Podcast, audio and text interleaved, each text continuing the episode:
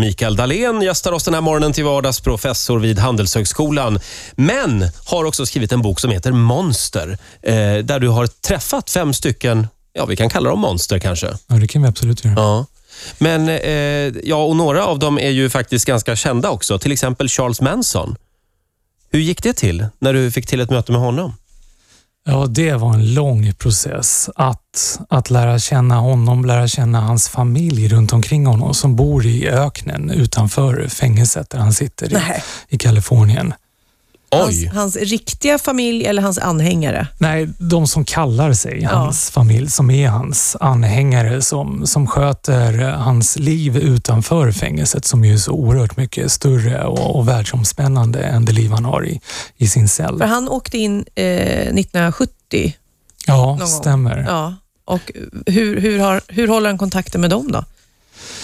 Det är via telefonsamtal, de får besöka honom i, i fängelset eh, och så vidare. Kan vi dra en liten bakgrund bara för de som inte känner till Charles Manson? Han, har, han mördade ganska många. Ja, han, han, därom tvistas fortfarande. Mördade han nio stycken, Ja. vilket han i slutändan blev fälld för. Eller mördade han upp mot 40 stycken som man fortfarande tror att det kan ha handlat om, som Mm. grävdes ner på olika ställen i öknen.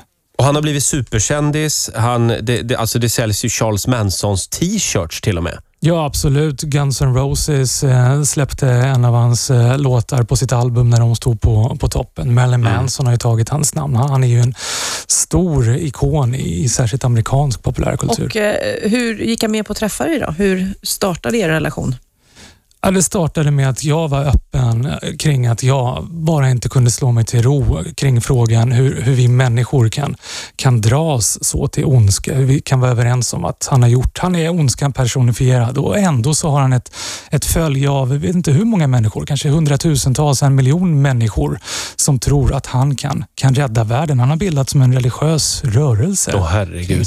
Och hur ser han på sig själv då? Alltså, se- ser han sig själv som Jesus Kristus eller eh, ser han sig som ond själv? Charles Manson är Jesus Kristus. Jaha. Det är han fullt och fast övertygad om. Och han har speglat sig i alla dessa människor över hela världen som, som söker sig till honom och vill få svaret på hur vi ska rädda jorden.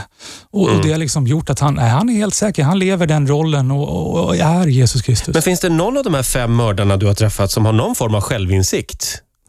Ja, jag skulle säga att skolskytten Wayne Lowe, som var kanske den första moderna, om man kan säga så, skolskytten som klev in på en skola med ett maskingevär och, och sköt på allt som rörde sig i början av 90-talet. Han, han verkar genuint ångra det hemska han har, har gjort. Jaha.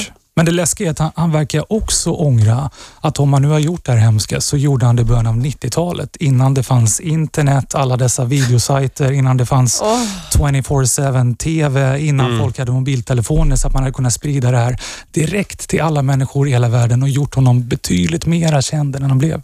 Men kan du, när du träffade Charles Manson, ert möte, hur, hur möttes ni?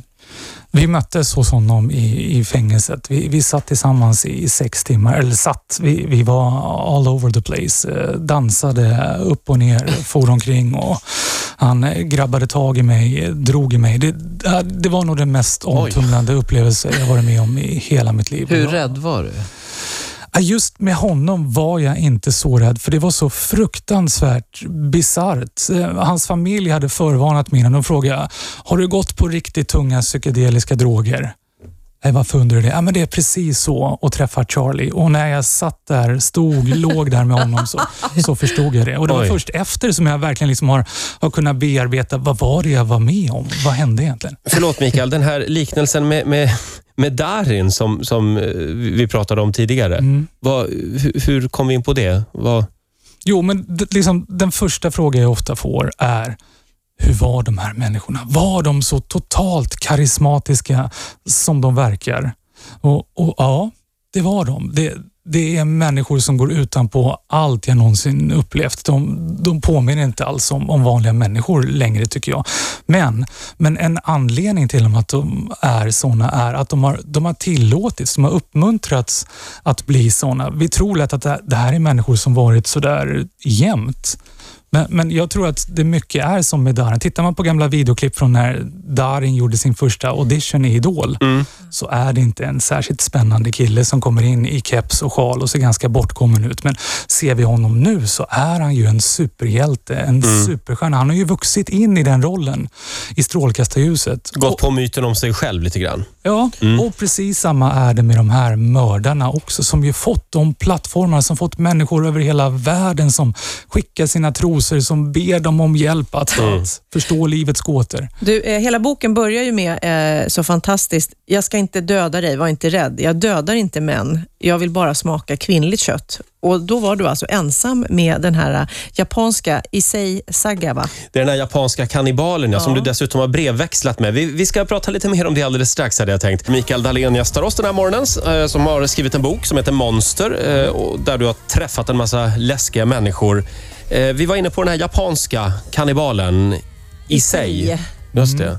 Sagawa. Ja, som dödade alltså en kvinna, åt upp henne och har blivit superkändis på det här. Ja, jag försökte liksom få ihop hans figur, hans status han fått i Japan. Jag landar nog i att han blivit som någon sorts korsning mellan Ingvar Oldsberg och Mikael Persbrandt.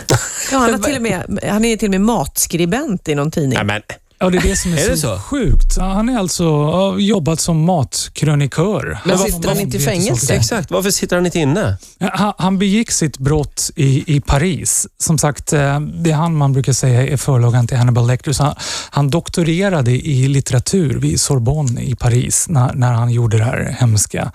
Och, och, och där ställdes han då först inför en, en psykiatrisk undersökning för att se om han ens kan, kan stå rättegång. Och man kom fram till att han är så galen så det är ingen idé att, att dra honom inför domstol. Så han sätts på mentalsjukhus där man efter något år kommer fram till att han är så galen så vi kan inte bota honom. Det är slöseri med pengar. Så de utvisar honom till Japan och där kliver han ut i flygplanet som, som en fri man. Han har inte begått något brott i det Japan. är helt sjukt. Va? Och där sätter hans talkshow, som han kallar det för, igång. Han har sedan dess, sen, sen han eh, klev ner på japansk mark, inte jobbat en enda dag. Han har livnärt sig på att prata och berätta för hela världen om det han har gjort. Hur det smakar med människokött. Typ. Ja, och målat tavlor om det, skrivit matkröniker, eh, skrivit bästsäljande böcker. Finns det så någon risk för återfall för en sån människa? Det riktigt läskiga är att strax innan vi skildes så sa han att eh, han tycker det känns lite jobbigt nu att de japanska medierna verkar börja bli lite less på honom. Som att de hade förväntat sig att det skulle komma mera från honom och att han därför undrar om han kanske måste göra någonting en gång till. Men den här gången så ska han ta en, en japansk kvinna, en patriot. Men du var aldrig rädd. Du var ju ändå ensam med honom. Jo, då var jag rädd. Det här var ju någonting jag gjorde i hemlighet, så jag åkte iväg till andra sidan världen utan att berätta för någon. Till hans hemliga adress utanför Ja. Tokyo som han är mån om att ingen känner till. Ringer på dörren och blir insläppt själv i hans mörka lägenhet. Jag kan säga att jag, jag hade med mig mat och dryck åt oss båda, för jag var väldigt mån om att vi skulle vara väldigt mätta under hela den här. Lite mer mat, lite mer mat. Ja. Men, Ja, men han Mikael. sa att han, han dödar bara kvinnor. Ja, det, det var liksom hans sätt att trösta mig när han såg att jag var väldigt nervös. Men har du på något sätt förändrat själv av, av den här resan du har gjort genom den här boken? Ja, det har varit en riktig, riktig pers. Hade jag vetat om innan hur jag skulle påverkas och hur min syn på mig själv och världen skulle förändras, då hade jag inte givit mig ut på den här resan.